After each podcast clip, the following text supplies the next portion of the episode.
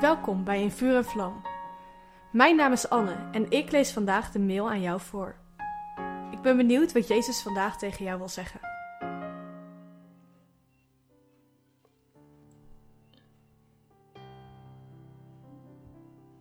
In 1 Korinthe 14 vers 1 zegt Paulus dat we vooral moeten streven naar de gave van profetie. Dus we moeten naar alle gaven streven, maar naar die van profetie nog extra.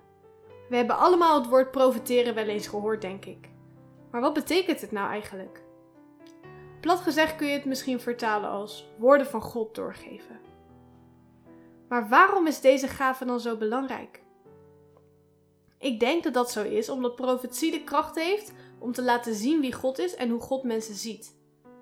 Als God iemand niet kent, is het zo bijzonder voor deze persoon om te merken dat God hem wel kent. God kent iedereen door en door en profetie laat iets van zijn hart voor mensen zien.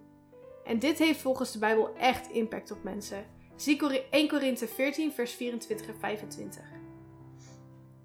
Ik weet nog goed dat ik naar een christelijke conferentie ging. Dit was in een periode dat ik zelf echt niet met God bezig was. Ik zat vol met vragen over wie God was en of ik hem eigenlijk wel wilde volgen. En mijn leven was ondertussen een grote puinhoop geworden. Maar toch had ik het gevoel dat ik naar die conferentie moest gaan. En tijdens deze conferentie profiteerde er ineens een vrouw over mij. Ik had dit nog nooit meegemaakt. Zij kende mij niet, maar alles wat ze zei klopte precies met mijn leven op dat moment. En ze deelde ook Gods dromen uit voor mijn leven. Ik wist het gelijk zeker. God is echt en ik kan er niet meer onderuit. En ik kan vol dankbaarheid zeggen dat dat mijn leven vanaf toen nooit meer hetzelfde is geweest. Nu hebben we geleerd wat profetie eigenlijk een beetje is en vooral wat voor impact het kan hebben. Maar hoe doen we dat nou echt? In Johannes 10, vers 27 staat: Mijn schapen luisteren naar mijn stem. Ik ken ze en ze volgen mij.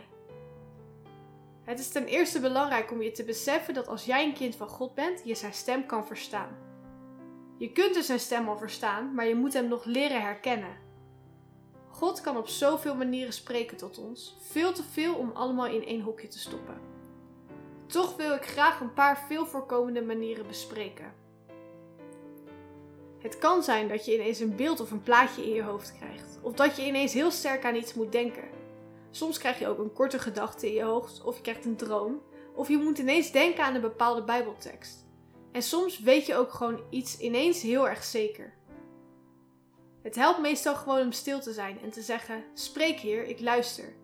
En spreek dan gewoon het eerste uit waar je aan denkt, als het maar wel echt opbouwend is. Zie 1 Korinthe 14, vers 3. De enige manier om te ontdekken of het echt God was die tot je sprak, was door het te testen. Ga gewoon aan degene voor wie je bidt vragen of het klopte wat je dacht en of hij of zij er iets aan heeft.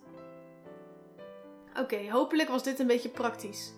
Maar ik wil het nog praktischer maken. We gaan het gewoon gelijk doen, nu. Waarom, vraag je misschien? En dan zeg ik, waarom niet? Ik wil je graag uitdagen om door je WhatsApp contactenlijst heen te scrollen en aan God te vragen of er iemand is die je nu mag bemoedigen. Je zult zien dat God door je heen wil spreken. Wat leuk dat je hebt geluisterd naar In Vuur en Vlam.